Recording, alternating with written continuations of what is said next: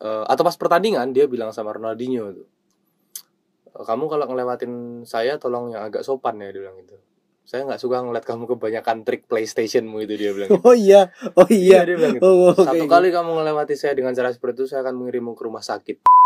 Anda memainkan pertandingan sangat sempurna melawan Iya, Sporting iya. Lisbon. Ah. Enggak juga ah, dia bilang gitu anjay. Enggak juga ah, kita kehilangan banyak bola, kita juga tidak klinis, kami harusnya bisa menang lebih besar. Wah, bangsat nih orang iya maksud Wah, kacau. ya merekrut apa mem- mem- apa memperbanyak pintu Iya, untuk iya, untuk iya. masuk ke pemain-pemain Asia Tenggara karena Asia Tenggara secara, po- secara populasi padat Mm. tapi secara kemajuan mundur. jadi mereka harus di up iya. dengan ayo nih masuk masuk masuk gitu gitu. Nippon Cahaya Asia lah. Nah, jadi semangat Nippon itu masih ada Iya, ternyata iya.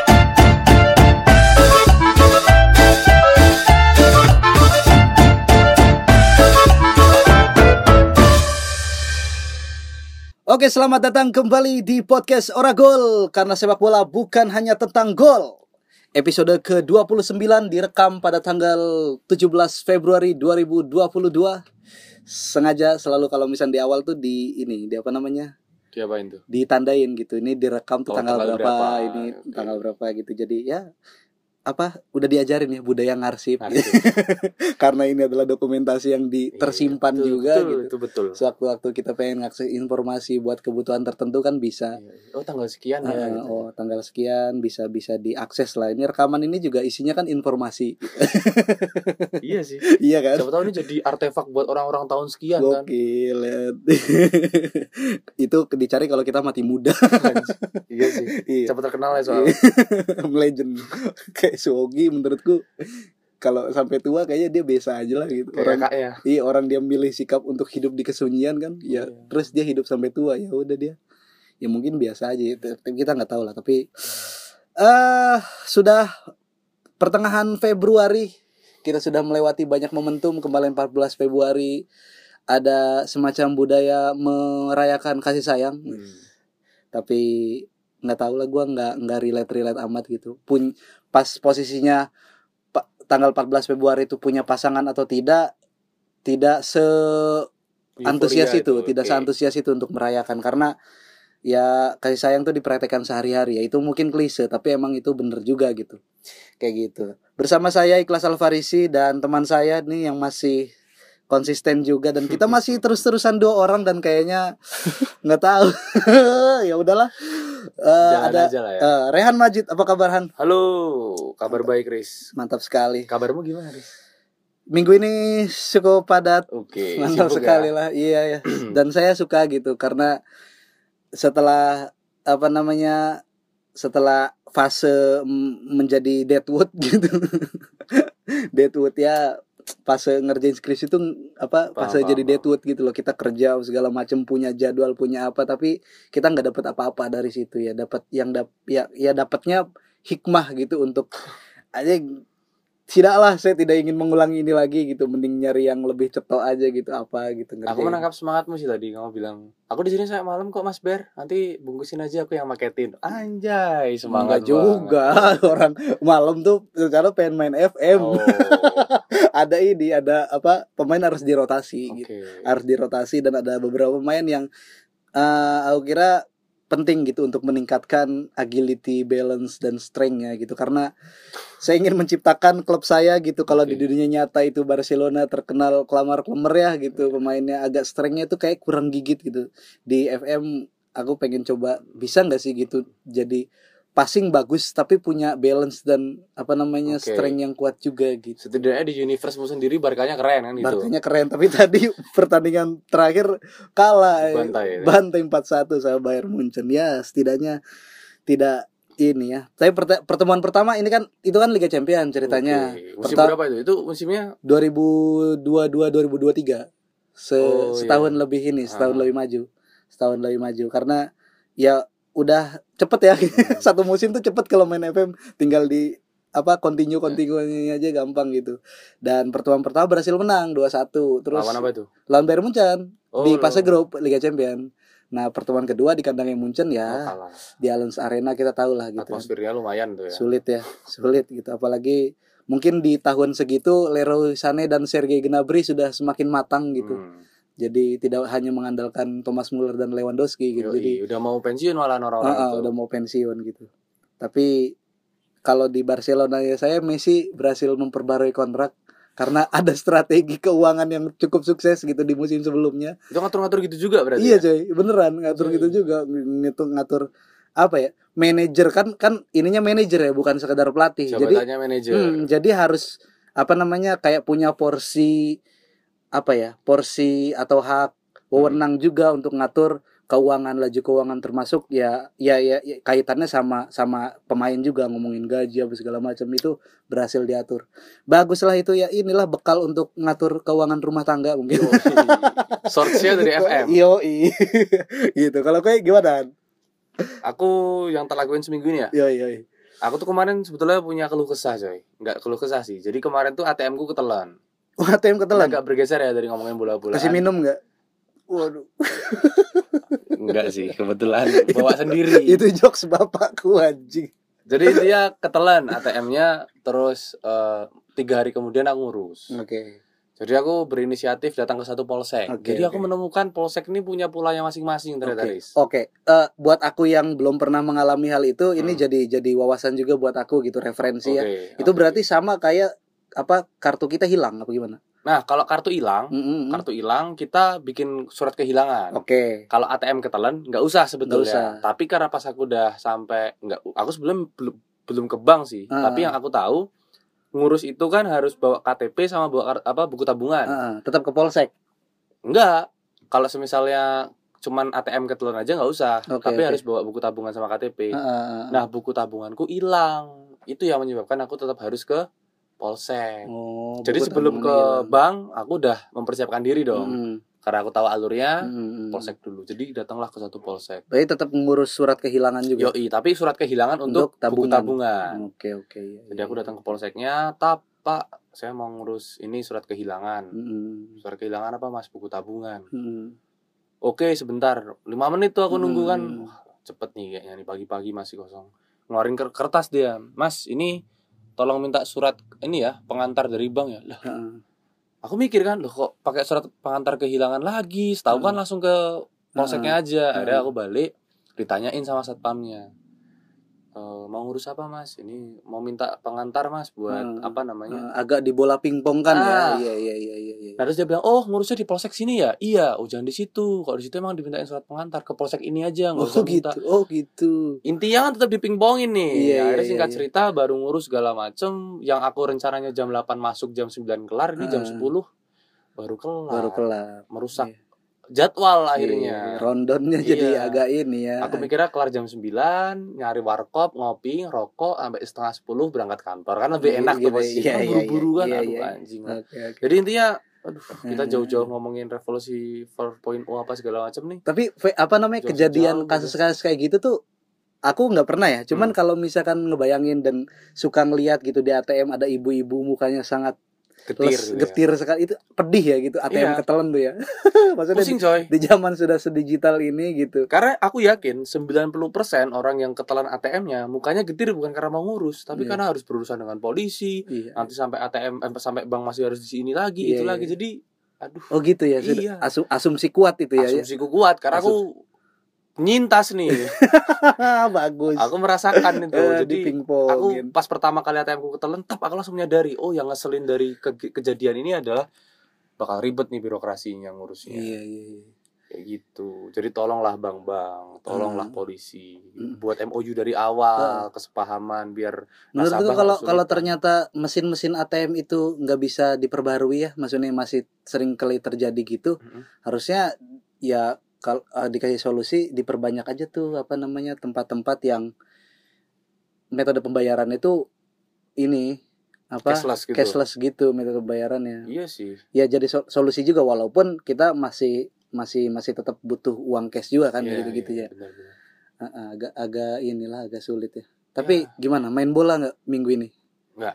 Minggu depan nggak main bola. Minggu depan Jadi bola. recovery dulu. Recovery ya. Minum jamu aku sekarang Riz. Seminggu Bagus. sekali kalau badan nggak enak dikit minum Ah, jamu. iya iya iya. Rokok ya se Heeh, heeh. seininya lah. Ya mungkin ini ya apa ada perbedaan gitu di antara kita berdua gitu.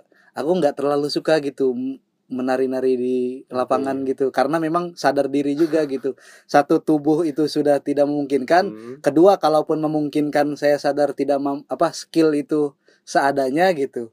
Jadi memilih untuk jalan yang lain gitu. Hmm. udahlah main ini aja main. daripada dirasani orang kan lebih baik tahu gitu loh oh ini nih ini oh ini ini Oke, gitu gitu oke jadi motifnya kalaupun misalkan aku main di lapangan tuh udah udah sekarang tuh udah nggak punya motif lagi untuk show off Oh, iya. ngembangin apa segala macam udah hiburan aja. Mm-mm. kalaupun aku melakukan kesalahan usahakan kesalahan itu adalah kesalahan yang komedik gitu tertawakan orang. Kayak kemarin sama Guarjo loh aku segitiga segitiga jatuh bangsat. Iya, iya maksud biar Kata- terlalu ini juga iya, ya. iya gitu. Emang emang motifnya udah langsung udahlah bebas Paham, aja paham, gitu. Santai gitu ya. Tapi ya banyak juga gitu teman-teman yang mungkin dia merasa dirinya pemain gitu kan ya walaupun amatir ya Iya, gitu iya, levelnya masih amatir jadi tetap punya kayak apa namanya apa sih namanya semangat Iya, gitu passion untuk gitu ya. passion gitu. Gitu ya. Sebagaimana passionnya para pemain-pemain muda di Indonesia. Yo halus banget halus, halus, halus. iya gitu. Ya Iya. mungkin apa namanya makin ke sini makin banyak kabar baik gitu kayak pemain-pemain muda yang mulai termotivasi. termotivasi da, salah satu motivasi yang bisa diambil adalah eh, peresmian apa resmi diumumkannya Pratama Arahan. Yoi, yang akhirnya abroad ya. Ya Brod juga merantau juga ke luar negeri dan ke liga yang tidak main-main liga terbaik di Asia ke Liga Jepang. Pratama Arahan per hari hari ini ya. Hari ini. Per hari ini berhasil abort ke eh kemarin coy. Iya kemarin ya, ya, kemarin, coy. pagi ya. Iya, kemarin pagi berhasil transfer ke klub apa kasta kedua Liga Jepang yakni Tokyo Verdy Tokyo Verdy jadi itu satu langkah yang menarik ya karena Hmm. sebetulnya sebelum pertama Arhana ada beberapa pemain sepak bola Indonesia yang pernah ke sana juga betul ternyata, betul coy. iya iya. Ada Hmm. siapa namanya? Emang konten kreator bola ini keren ya? Kita sampai nggak iya, kepikiran. Iya. iya. Jadi ini Ricky Yakobi iya Ricky Yakobi Ricky Yakobi itu pernah di Liga Jepang aku lupa Hmm. tuh nama klubnya apa. Klubnya dulu itu namanya aku lupa tapi sekarang itu klub itu Gamba Osaka namanya. Oh iya Gamba Osaka. Hmm. terus kemudian ada Stefano Lillipali sama Iya, Irfan Badim. Ya di, di mantan klubnya Sapporo si ya. Canatip itu. Yoi, ini berarti kan sekarang kan Canatip bisa merasakan yang mungkin dirasakan sama Canatip setidaknya kan. iya iya iya Satu ekosistem sepak bola, Heeh, ya heeh. sedikit lagi mungkin effort sedikit dia bisa satu kasta Mm-mm. berhadapan sama iya iya iya Canatip kayak gitu. Heeh. Maksudnya itu langkah bagus. Heeh. Tapi tadi menarik nih sebetulnya. Mau apa namanya obrolan terkait dengan pemain-pemain amatir yang punya passion ini. Heeh, Jadi tuh aku follow pengamat sepak bola kan oke sama Indonesia Abroad itu dua Oke, akun eh. sepak bola ya Indonesia yang sering aku pantengin. Hmm. Kalau yang di Indonesia Abroad itu dia sering sering banget kayak setiap minggu atau setiap dua minggu itu pasti ada berita abort tapi pemain-pemain nggak terkenal ris pemain-pemain Iya, iya. nggak kenal Heeh. dia ke Liga Bosnia Hmm, entah trial entah apa gitu entah gitu ya. apa entah apa dan rata-rata orang-orang itu adalah orang-orang pemain-pemain amatir coy iya iya iya jadi iya. dia nggak dari Persija nggak dari Hmm, Persib iya, dia iya, dari iya. klub-klub kecil gitu Mm-mm. dan pas, pas ditanyain kenapa nih kok apa suka banget ngambil pemain-pemain amatir gitu Heeh, pertama jelas kosnya murah murah karena dia tidak terikat kontrak yang profesional dengan Ah, tim apa pun iya, iya, kedua dia juga free agent gitu free ya. agent Hmm. Mm, yang ketiga dia cenderung masih punya keberanian untuk mengeksplorasi diri gitu loh jadi oke heeh. dibayar berapapun nggak masalah nggak masalah yang penting dia punya pengalaman dan segala dan Hmm. berani gitu loh Hmm. keberanian kan yang Iya, mahal iya, iya. kita lihat generasi pemain-pemain kayak Evan Dimas, Febri Haryadi, Hmm. terus apalagi itu kan Heeh. pemain-pemain yang wah pada saat itu kita pikir wah keluar negeri nih. Tapi Iya, ternyata enggak juga. Heeh. mungkin karena Haryadi ini PNS di Persib dia. Iya. Karyawan tetap. Sama Eka Ebol sekarang di mana sih? Eka Ramdhani. Ya, udah pensiun ya? Udah pensiun kayak eh di di Persela apa di mana gitu. Nah pemain-pemain gitu kan maksudnya kan kalau kita perhatikan kan setiap era itu punya wonderkid wonderkid gitu loh. Iya iya iya Eka iya. Ebol Egi Melgiansyah tahu Yo, nggak? Iya, Egi Melgiansyah. Dulu tuh aku seneng di apa namanya di angkatannya mereka ada tuh apa bukan Stef kok Stefano Lillipali, Alvin Tua Salamoni Alvin Tua yang kemarin main di Persis Solo kan. Iya, iya, iya. Heeh. ya pemain-pemain ya kita nggak pernah kehabisan stok pemain muda yang berbakat cuman ya keberanian keluar itu yang berat ya karena Heeh. abort itu bukan perkara remeh temeh ya Iya iya iya. ya kan Mm-mm. Iya kayak kayak misalkan kemarin kita bahas sepak bola perempuan terus ada yang ngomong ya main di luar negeri lah kalau di sini nggak ada liganya Ya, nggak segampang itu main main di Iya. luar negeri ya klub luar negeri juga punya banyak pertimbangan Yoi. gitu, punya banyak pertimbangan. Mm-mm. Ya ngelihat pemain ini ngapain ke sana gitu kalau ternyata nggak bisa main bola gitu. Tapi Gitu. kembali ke Pratama, Pratama. tadi followersnya Tokyo Verdy dengan otomatis langsung ya Ah, hampir 50 ribu followers baru. Dan itu memang menjadi satu siasat ininya, siasat Iya sih. apa apa sepak bola Jepang ya, Hmm. emang pengen pengen apa namanya pengen Dia pengen merajai iya. pengen pengen merajai pasar sepak bola di Asia dengan cara ya merekrut apa mem- mem- apa memperbanyak pintu Iya, untuk iya, untuk iya. masuk ke pemain-pemain Asia Tenggara karena Asia Tenggara secara, po- secara populasi padat Mm-mm. tapi secara kemajuan mundur jadi mereka harus di up iya. dengan ayo nih masuk masuk masuk gitu gitu Nippon Cahaya Asia lah. Nah, jadi semangat Nippon itu masih ada ternyata banget. ya tapi kalau tersubstitusi gitu kan ke dalam sepak bola dan ke dalam industri-industri yang Iya, lain iya. ya malah lebih bagus gitu Iya, bukan benar. bukan apa namanya memimpin dalam terminologi fasis gitu Iya, kan iya, gitu nggak nggak nggak dibenarkan gitu gitu ya nanti kita romusa lagi kan bahaya gitu kan tapi ini apa Pratama Arahan itu masuk ke Tokyo Verdy Mm-mm. yang kalau kata Eko Maung itu Iya, iya. klub yang mulai apa namanya mulai berdiri sebagai punya apa klub yang punya konsep kearifan lokal gitu. Tadinya tuh Kawasaki Verdy gitu ke klub itu terus jadi Tokyo Verdy dan menjadi salah satu klub yang tersukses juga tujuh apa enam kali gitu pernah Juara. juara li- J1 bahkan J1. gitu J1 dan kalau aku lihat kan langsung kan kita kita kepo langsung dia tuh ada di papan tengah sekarang di J2 J2. nah di di apa ya kasta kedua ngomong J2 tuh gimana ya gitu dan dari apa dari pernyataan singkatnya Pratama Arhan kan ya saya siap dengan kemampuan saya terus ada satu kalimat yang menurutku terkesan muluk-muluk ya gitu kayak Apa tuh? saya siap membantu apa namanya Tokyo Tokyo, Verdy. Verdy untuk ke- apa naik kasta ke Liga 1 maksudku ya muluk-muluk gitu Sokap. Iya, iya, ya jangan begitu gitu Iya, iya. pernyataannya. Entah itu pesanan udah diketikin Iya, iya, gitu, iya tinggal baca atau gimana ya. Cuman menurutku yang lebih tepat adalah ya dia main maksimal sehingga apa namanya, walaupun dia nggak mampu mengangkat prestasinya Tokyo Verdy, setidaknya dirinya itu mampu berkembang pesat sehingga dilirik oleh klub-klub papan atas Hmm. gitu. Kayak ini Canatip. Canatip gitu kan. Dia jadi pemain termahal di di di bursa transfer kan ini Liga Jepang belum mulai kan mulai nanti apa Bahkan dia Heeh.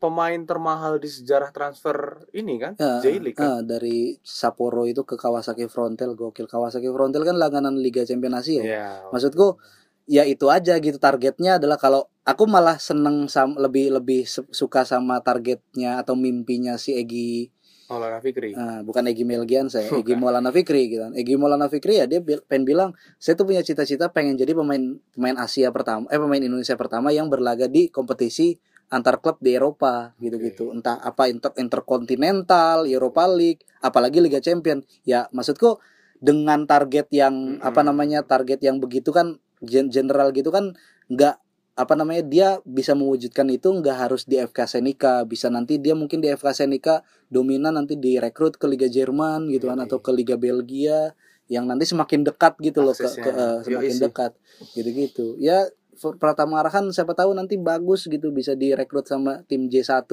di Vissel Kobe gokil Yoi. main bersama Iniesta kan. Ja- nggak menutup kemungkinan gitu tapi ya berita ini cukup Iya menyenangkan cukup membuat bahagia cukup kita yang sebagai fans bola gitu. Apalagi lagi senang-senang yang ngulik sepak bola lokal itu semakin antusias gitu loh. Wah keren nih siapa lagi nih gitu kan. Siapa lagi nih Dewangga kah gitu kan atau siapa lagi menurutmu Dewangga punya punya kans ya, Mia kah punya kans. Terus kemudian sebetulnya ya kalau kita berkaca dari skuad terakhir di timnas, ya pemain-pemain kayak Rahmat Irianto, yo yo yo. terus Ricky Kam- terutama Ricky Kambuaya ya. Ricky Aku Kambuaya. melihat dia sebetulnya paling nggak di Thai League sih. hmm League, ya Thai League dulu, Hmm. Thai League tapi kan jelas kasta satu jangan kasta dua lagi. Hmm. Kayak Yanto Basna lah gitu. Iya, iya, Cuman iya. kan Yanto Basna kayaknya kurang. Hmm.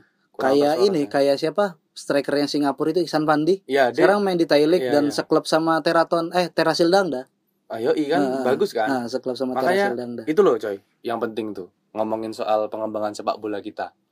Aku ngerasa sepak bola kita itu kayak kemarin punya kebijakan marquee player itu loh, Riz. yo itu aneh aneh aneh sih Aneh sih, cuman Ah. menurutku ada sisi positif ya, coy. Mm-mm. Maksudnya gini, membayangkan pemain-pemain lokal kita berbagi lapangan dengan Michael Essien, Peter Odemwingie ya pertama itu menambah semangat mereka yang kedua mereka bisa belajar gitu Betul. apalagi yang memang ini benar-benar nggak disetting tapi atas kerja keras dan kemampuan mereka mereka punya kesempatan di posisi itu Betul, misal tadi betul. kita Nah. berandai-andai Pratama Arhan 2-3 tahun ke depan dia pindah ke Vissel Kobe dengan kondisi Vissel Kobe masih kayak sekarang misalnya Iya iya iya. dia sebagai back sayap kanan ya Yo, eh sayap kiri. eh kiri ya Hmm. kiri terus dia ngeliat ke tengah ada Thomas Vermaelen ya kan Oke, misalnya. lalu Mas Vermeulen. Iya kan? Iya iya Jadi iya. dia minta bola dari tengah itu pasti dari Iya, Vermaelen iya, iya, ngalirin bola ke mana Iya, tengah iya. ada Iniesta Kerja sama sama pemain-pemain Yoi. lawan bayangin orang gitu. bayangin orang Blora Memba iya membangun chemistry dengan Iya. Iniesta gitu. Dapat arahan, cok kayak gini gini gini gini iya, gitu. pasti kan oke sudut pandang knowledge terus Hmm, cara bermain cara bermain, menyiasati kondisi tertekan apa dan Hmm, segala macam kan akhirnya experience di Hmm, usia hmm. muda dia metode punya untuk terus-terusan fit gitu kan. Yoi, akhirnya Nah. ketika dia dipulangkan ke timnas dia datang ya sebagai pemain yang sehari-hari latihannya sama Iniesta gitu Iya, loh jadi iya. ngobrol sama Kiai Haji Yudo itu. Woi bro gini loh maksudnya. Itu kan bisa iya, kan? iya, iya. kalau sebagai Arhan sendiri Iya, iya. ngasih tahu kan Yudonya juga Iya. Allah kita main satu Iya, liga iya, gitu di, kan. di dress room gitu kan Iya. dia didengarkan omongannya. Gini aja kayak taktiknya gitu Yoi, gitu. gini aja gini gini gini gini. Hmm. basisnya apa ya? Mungkin di di hotel dia sharing. Ah, Iniesta tuh gini ternyata orangnya. Ah, gini iya. gini oh gitu. Iya, iya. kalau di Vanley tuh kayak Vermaelen dong. Gimana Vermaelen bagus. Gini oh gitu ya. Iya. iya, dan itu akan mem- apa turut memudahkan coach STY juga. Kalau dia Yoi. dia pengen menerapkan sepak bola ya apa namanya taktik sepak bola kiwari gitu kan kalau Iya, kalau iya. sekarang gitu jadi Mm. penerjemahannya gampang dengan penguatan-penguatan dari pemain-pemain semacam Pratama Arhan Hmm. atau Egi. Iya men, gitu har- emang harusnya gini men. Sekarang tuh sepak bola tuh harusnya Hmm, gini gitu, yoi. bukan kayak kowe main di ini gitu. Mm. Kayak gitulah. dan satu lagi terakhir sih yang menarik kalau kita punya banyak pemain yang disebar di berbagai negara itu menguntungkan ketika kita eh, ada dalam situasi international friendly gitu loh match Betul, gitu betul.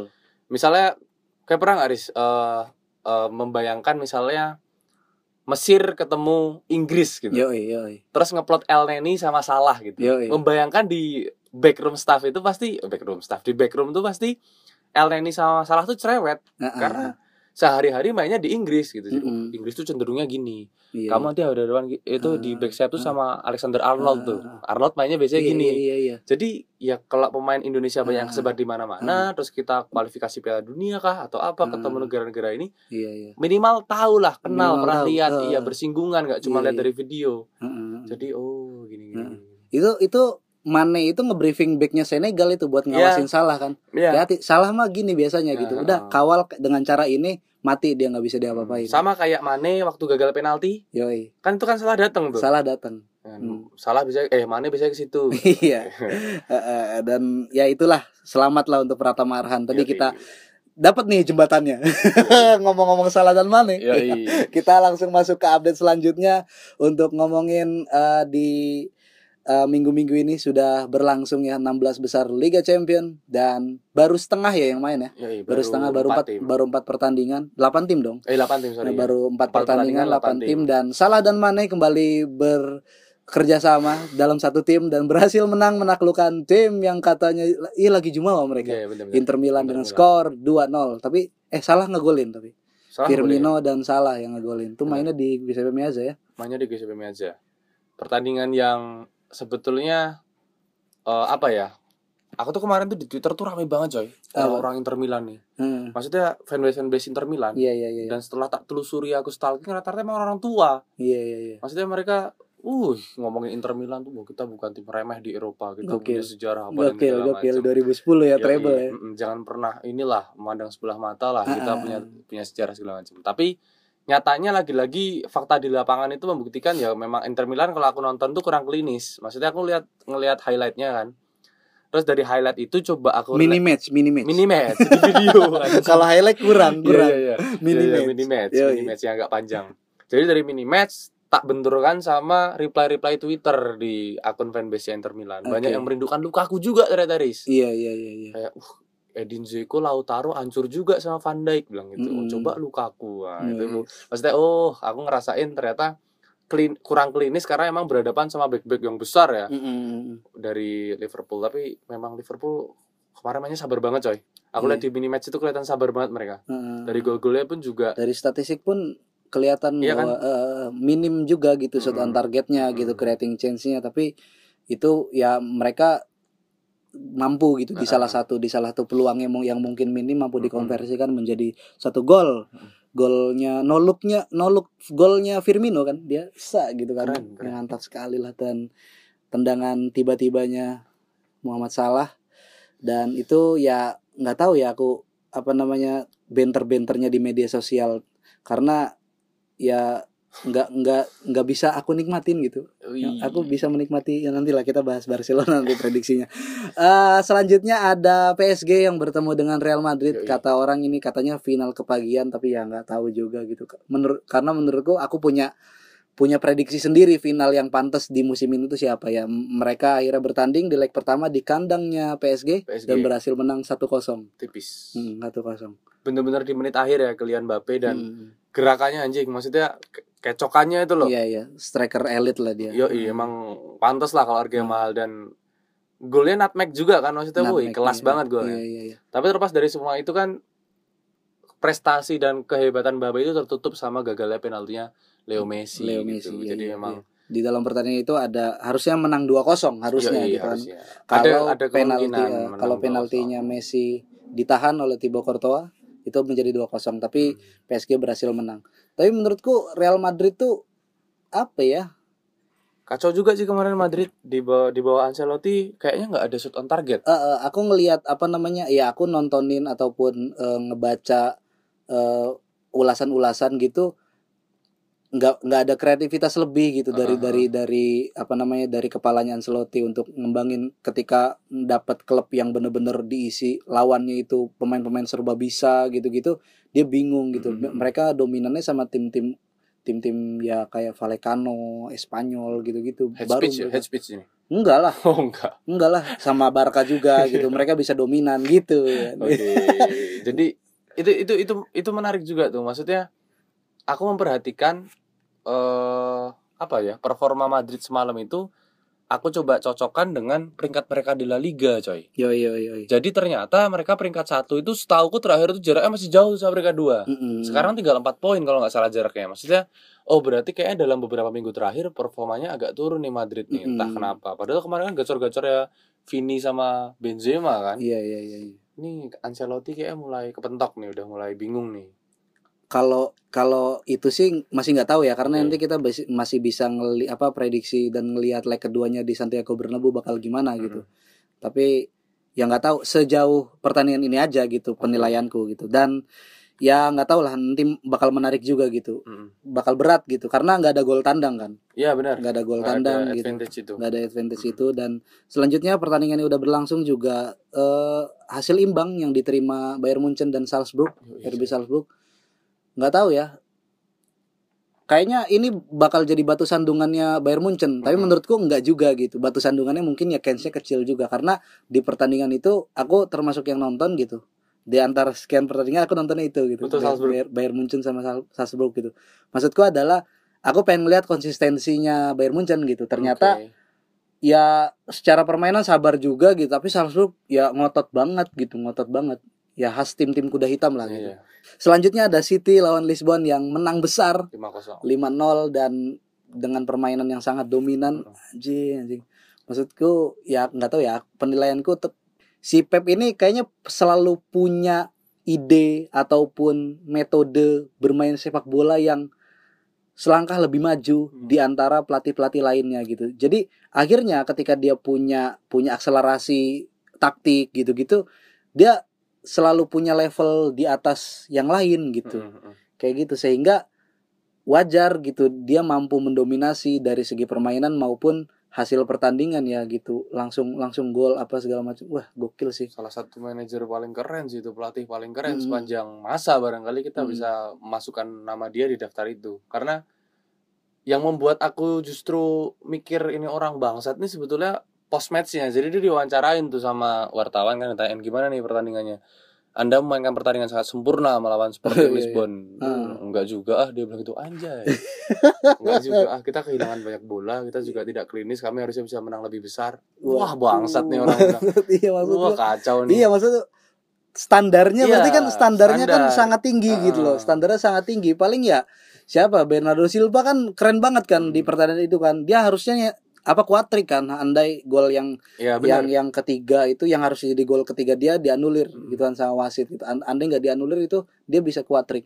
Tapi mungkin dia di dress room juga di di ini Jangan-jangan di anjing-anjingin "Gak apaan sih gitu main kayak gitu eh nggak tahu lah gitu tapi hasilnya itu Hmm. memukau gitu hasilnya selalu memukau Artinya dia mungkin Pep ini artinya udah melampaui skor gitu loh. Ah, selalu melampaui ya dalam keadaan menang itu akhirnya dia nggak kepentok sama skor gitu loh. Tapi Mm. secara keseluruhan ditelanjangi timnya. Oke, Nah. kita menang 5-0, tapi kamu sadar nggak tadi kamu kehilangan bola sekian kali misalnya Hmm, gitu. hmm, hmm. Kamu juga kamu punya kemampuan gini-gini, kenapa nggak dikasih aja bolanya kenapa ditahan? Terus gini. Iya, iya. Taktik yang ini kenapa nggak jalan? Kita udah latihan Hmm. berapa kali? Maksudnya Hmm. hal itu kan jangan-jangan gol spektakuler Sterling yang Sterling, itu iya. mungkin di ini ya di Hardik gitu iya, sama di Hardik. Iya, iya, iya. Wah, maksudnya wah wah dia dia udah melampaui keinginan banyak pelatih barangkali Tapi kan aku ngegolin coach. Hah, ngegolin? Kau pikir gol golmu itu efektif ini? Enggak juga gitu. orang ngegolin semua di sana itu bilang gitu kan Iya, iya. kalau cuma ngegolin aja ya semua orang bisa mungkin dia gitu kan Golin gitu. Anjing di Afcon itu banyak yang kayak gitu. Kamu mau samain gitu. filosofi kan iya, standarnya Filosofi, iya. standar keren Karena kita apa sering dapat di sosial media kan potongan-potongan videonya Pep yang apa namanya yang strength gitu loh di di Hmm. dalam ruang ganti gitu kayak dia ngebrak-gebrak Mm-mm. nggak ada yang minum nggak ada yang minum dengerin semuanya Nah. kalau nggak ada yang ngedengerin pulang aja sekarang gitu nggak usah main dengan klub saya gitu anjing anjing Iya akhirnya kan segan kan eh. Jadi apa ya?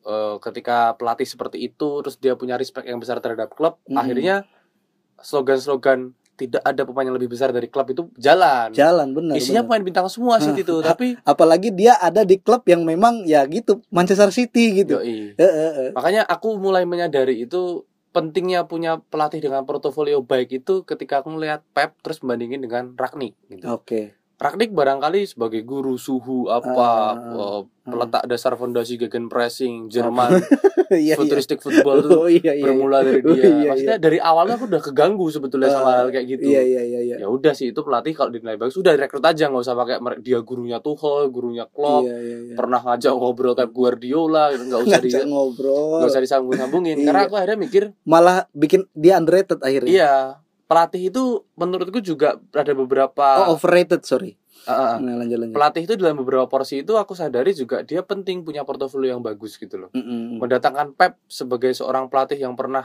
apa namanya menorehkan tinta emas bersama Barca di Bayern Munchen juga dia keren gitu Mm. ya orang akhirnya respect sama dia karena tahu nih orang bisa bisa ngelatih gitu Ah. loh ya berbeda dengan pelatih yang kayak ya misalnya Ole gitu atau sekarang Ragnik. Oke dia mungkin dikenal sebagai Ole pemain yang bagus. Mm. Ragnik misalnya punya apa namanya akar yang bagus di sepak bola Jerman. Tapi Iya, iya, iya. ngomongin prestasi dia nggak nggak punya cukup prestasi yang mentereng gitu loh. Dan Iya, itu iya. barangkali barangkali ya ini opini ku aja. Barangkali mempengaruhi secara apa namanya eh, psikologis bagaimana pemain menilai sang pelatih gitu. Allah gitu ngomong Iya, iya. doang juara kagak gitu gitu kan. Dengan iya dengan dengan apa dengan metode yang atau cara bermain bola yang sudah melampaui itu Mm-mm. aku sih mikir ya dari dari sekarang malah punya langsung punya pandangan punya prediksi di awal gitu. Kalau ba- bahwa City di atas kertas dia tim yang yang memang sudah pantas tampil kembali di final gitu. Mm-mm. di final. Ya lawannya nggak tahu. Kalau menurutku siapa? Menurutku Munchen lah. MU waduh MU Harus- belum main ya minggu belum, depan ya belum. MU minggu minggu depan tuh ada minggu apa Atletico M, Atletico lawan MU terus Chelsea Lille. Chelsea Lille, Juve ketemu siapa? Juve ketemu sama Porto ya apa siapa? Eh Porto Porto masuk emang? Enggak enggak juga ya. Benfica apa ya? Benfica ya? Oh iya itulah gitu. Nggak peduli juga yang saya pedulin adalah pertandingan malam ini di malam kita rekaman. Ada Barca melawan Napoli. Iya. Di di, di 32 besar apa di mana gitu? Tahu pokoknya Ya. nggak nggak terdeteksi lah liganya. Anjing bangsat. Ya itu ada Barca yang coba pengen lagi tampil gitu Ya. sebagai tim yang katanya masculine club gitu Yoi. di melawan Napoli. Tim semenjana juga. Ya bukan tim semenjana ya tim- setara lah sekarang satu liga kok. Satu liga sekarang Eh, bagus. Iya iya iya. Aku nggak tahu ya. Aku kalau misalnya disuruh memprediksi aku nggak tahu. Aku cuman pengen menikmati Barcelona bermain aja gitu baik buruk apa segala macam karena kan Hmm. kayaknya ini udah jadi apa kesadaran massal para para fans Barca gitu Hmm. bahwa musim ini tuh udah bukan targetnya bukan meraih trofi tapi mem- apa memperbaiki cara bermain Barcelona. Jadi akhirnya motif setiap kali main apa Bar- Barcelona main itu ya pengen menikmati cara bermain Barca membaik atau memburuk. Nah, itu justru yang dikritik. Kalau Hmm. menurutmu gimana? Kalau aku sebetulnya nggak nggak nggak bisa menyoroti langsung pertandingannya ya, tapi aku mungkin bisa kasih saran buat Kueris. Karena aku udah pernah kan sebagai fans MU yang merasakan Main bermusim-musim mainnya di Europa League gitu. Iya, Jadi nikmatin aja Riz. Maksudnya gini, dulu tuh waktu awal-awal aku melihat MU bermain di kasta kedua Liga Eropa itu banyak orang-orang kayak nggak usah ditonton bilang itu. Fans MU juga nggak usah ditonton. MU itu tempatnya bukan di sini gitu. Ui. Dia di Champions League. Yo, Kita iya. punya DNA Eropa apa segala macam. gokil. Ini kalah udah bodo amat nggak penting liga ini apa. Sampai hal titik aku menikmati bahkan punya keinginan harus juara Europa League Ih, gitu loh. juara Karena bisa nih gitu. karena akhirnya aku menyadari bahwasanya ya ketika timmu main di Europa League ya berarti kelas timmu Europa League gitu. Ketika tim, Oke, tim- iya, iya, timmu iya. mainnya di Champions League ya dia lagi di- pantas di Champions League gitu loh. Ah, Jadi ah, ah. terima aja. Makanya untuk pertandingan ini juga nggak bisa dibilang Napoli tim kecil karena ya setara akhirnya sekarang posisinya Iya, iya. Barca Iya tim kecil melawan tim kecil. nggak Tim- kecil juga Tim sih. tim level kedua lah. Iya ya tim level kedua. Tapi itu bakal menarik sih karena Napoli itu juga kemarin sempat lama di apa namanya peringkat satu Liga Italia kan. Iya, Maksudnya iya, iya. bakal Hmm. menarik nih oh, pertandingan antara Napoli lawan Barcelona. Hmm. Tapi aku tetap berharap Napoli menang. Bagus. Anda diam-diam membenci Barcelona. Eh, ada haters Barcelona memang. Benci nih, dua kali kalah tuh nggak bisa hilang. itu ya. Da, ya kayaknya kalau dari sisi Barcelona sih bakal tetap memainkan apa taktik false nine Ferran Torres Oh, ya iya, iya. dengan kayaknya belum belum matching juga tuh itu Aubameyang kayak yang dipraktekin lawan ini ya Atletico kemarin. ya lawan Atletico gitu. Jadi Gavi Ferran Torres sama Adama gitu kan. Terus ya Pedri De Jong Busquets ya. Walaupun Busquets itu udah makin karatan juga gitu. Kalau pengalamanku nih Riz ya, nanti di fase-fase kayak gini tuh kita akan mengira bahwa saya formasi falsan ini bakal jadi formasi yang membawa kita keluar dari jurang kegelapan gitu apaan anjing? Iya pasti kita mikirnya setelah Barca berkali-kali main ancur-ancuran Sekali lawan Atletico kayak gitu lawannya tim Atletico Menang dengan formasi yang seperti uh, false nine Dan kita berharap formasi ini akan membawa Barcelona menjadi lebih baik. Tapi nanti bertahannya cuma berapa pekan Nanti hancur lagi. Ini nikmatin aja Riz. Nikmatin aja ya. Nikmatin aja. MU Nikmat- juga gitu soalnya. Iya, iya, iya. nikmatin aja lah. Yang penting kalau bisa menang syukur. Kalau enggak ya Iya. bikin pembelaan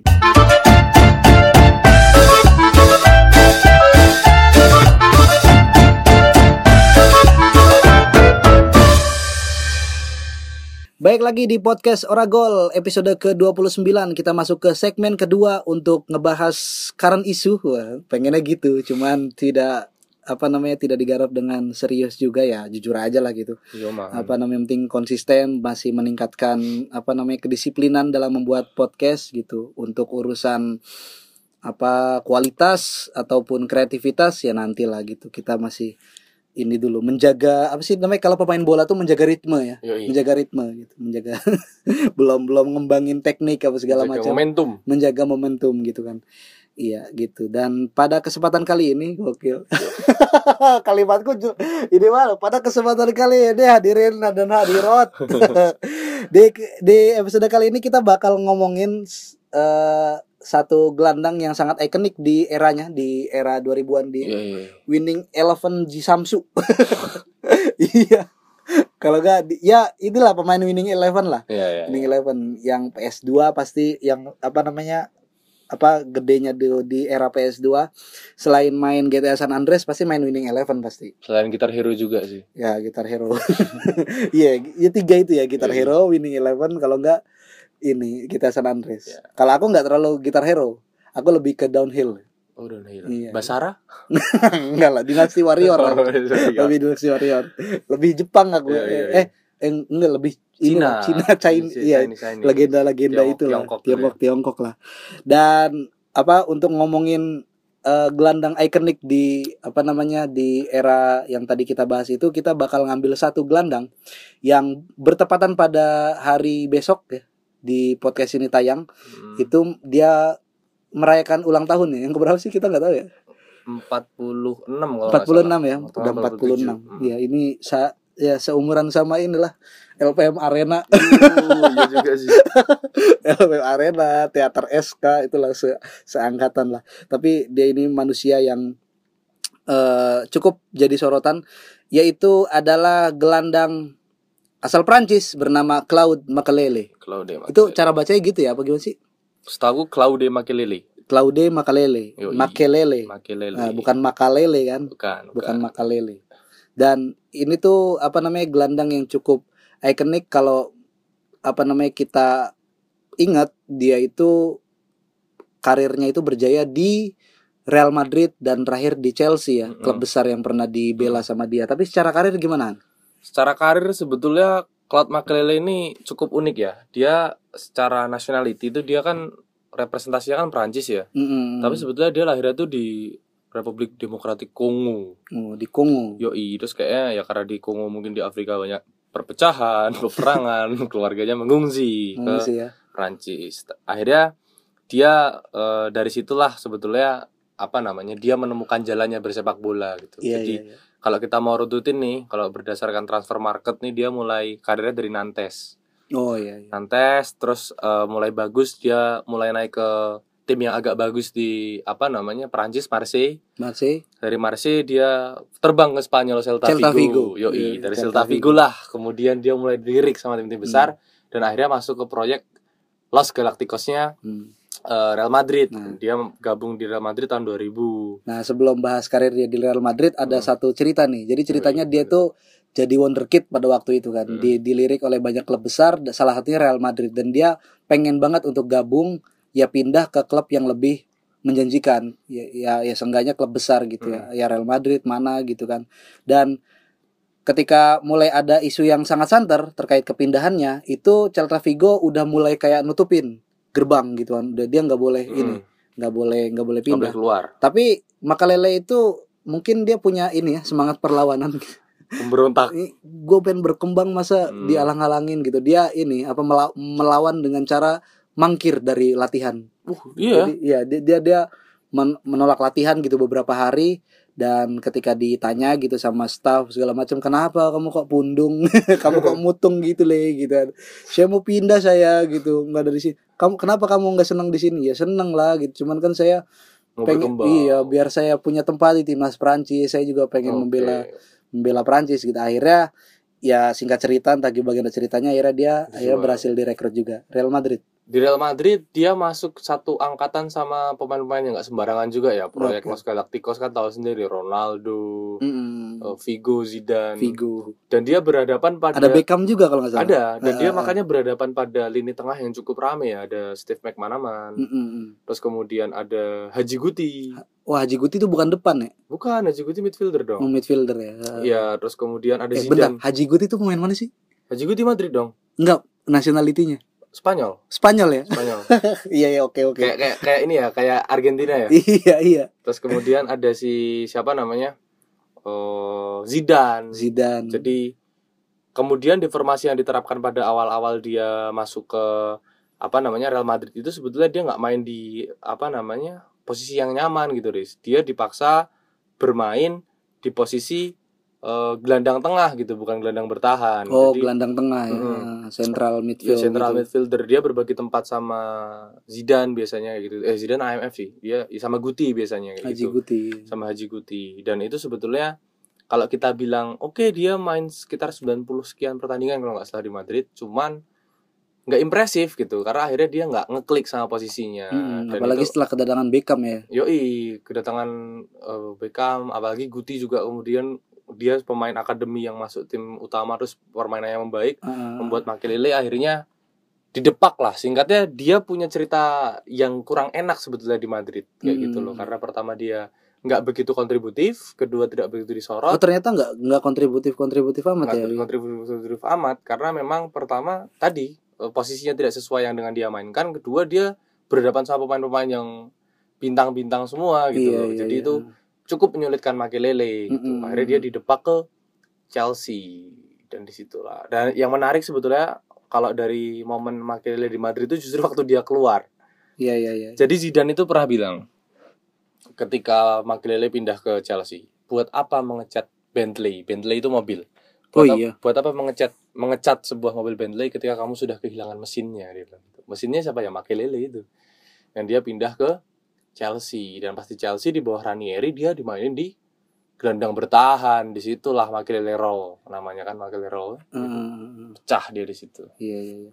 Sepanjang karirnya ini Makalele hanya berhasil mencetak 25 gol dalam 802 pertandingan Mm-mm. gitu. Tapi bagi kita ya, ya apa namanya di luar karirnya di dunia nyata itu bagi kita aku sih mikirnya dulu itu sempat sempat punya anggapan ya gitu. Ya walaupun ini agak nadanya rasis gitu. Mm. pokoknya kalau main bola gitu apa ma- main Master League main apa gitu.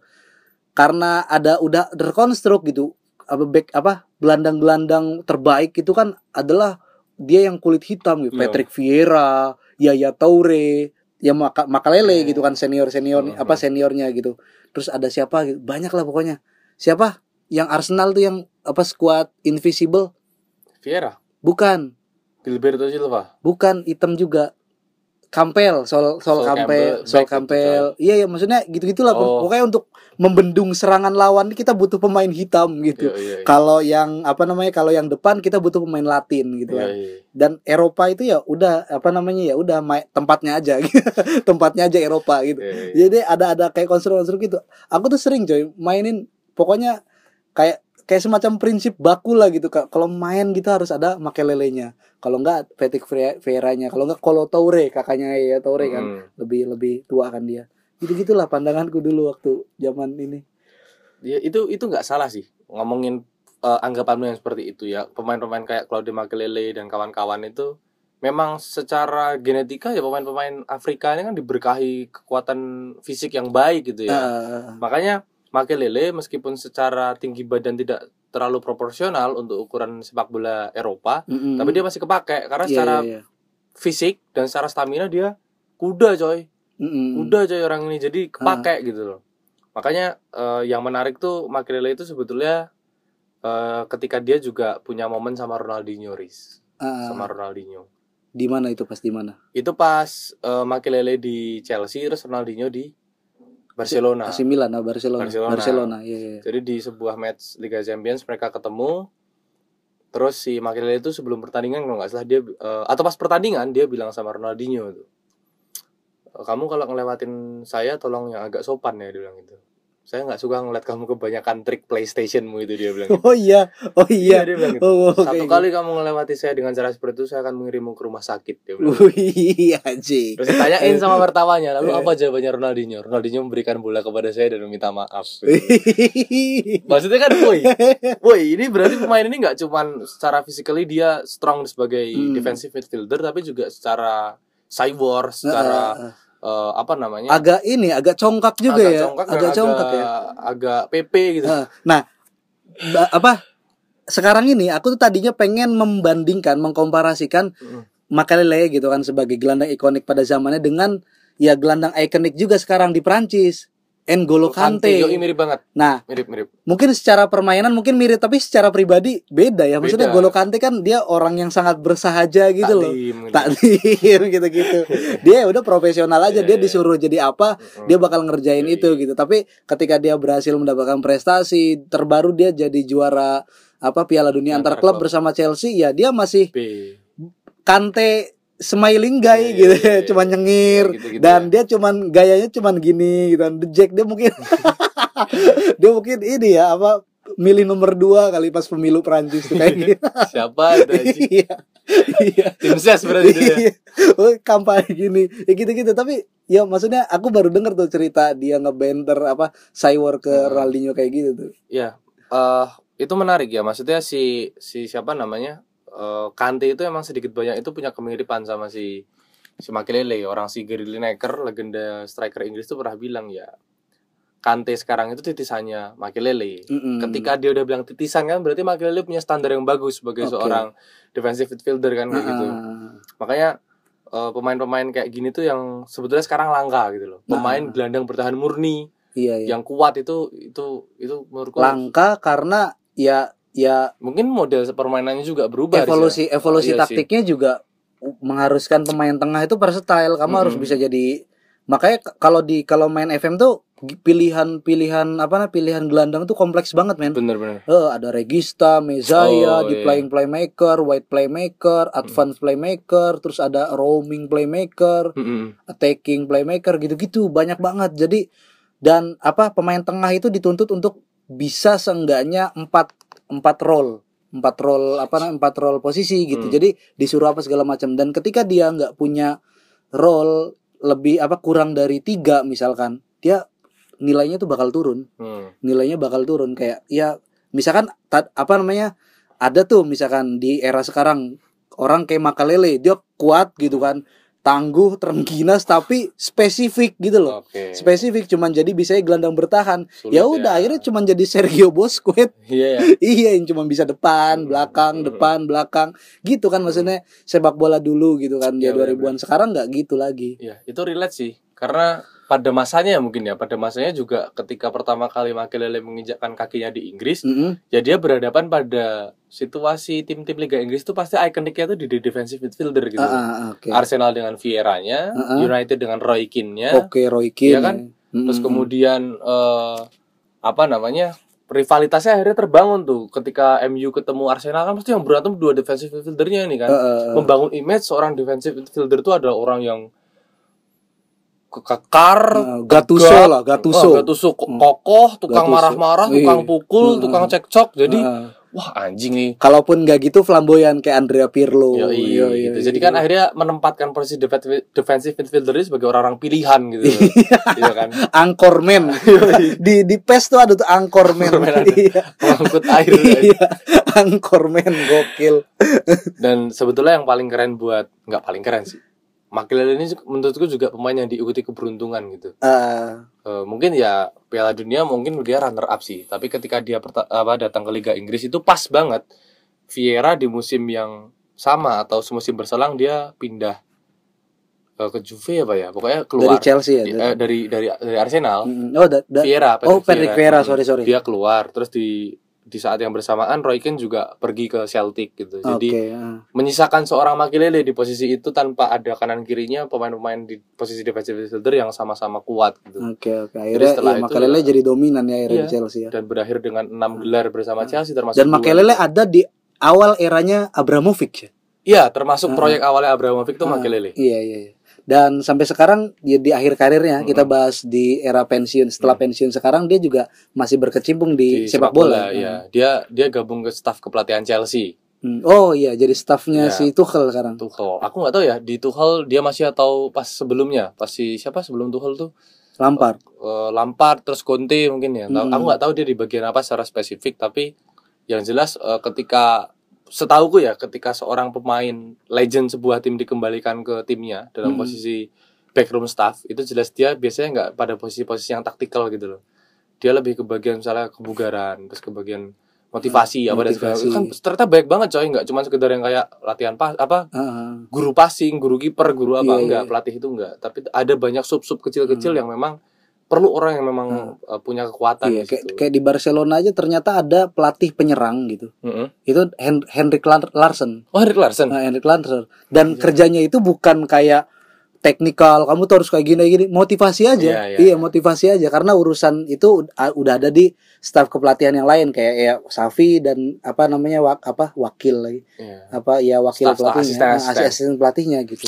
A- tapi ada spesifik nih pelatih ini. Mm, mm. Beda sama pelatih kiper yang memang mengajarkan Iya, teknik ya gitu iya, kan, melatih iya. teknik. Tapi pelat, penyerang itu yang cuman dikasih ini motivasi. motivasi Pekerjaan yang menyenangkan. bacot aja Iya. bacot. Itu aja kali ya episode kali ini. Oke. Kita bahas Cloud Makalele dan selamat ulang tahun dan mudah-mudahan banyak juga inilah pemain-pemain yang mungkin bakal jadi legenda dan bisa kita bahas ke depan. Itu nyari-nyari aja sih buat penutup sudah. Sampai jumpa di episode selanjutnya. Bye bye. Dadah.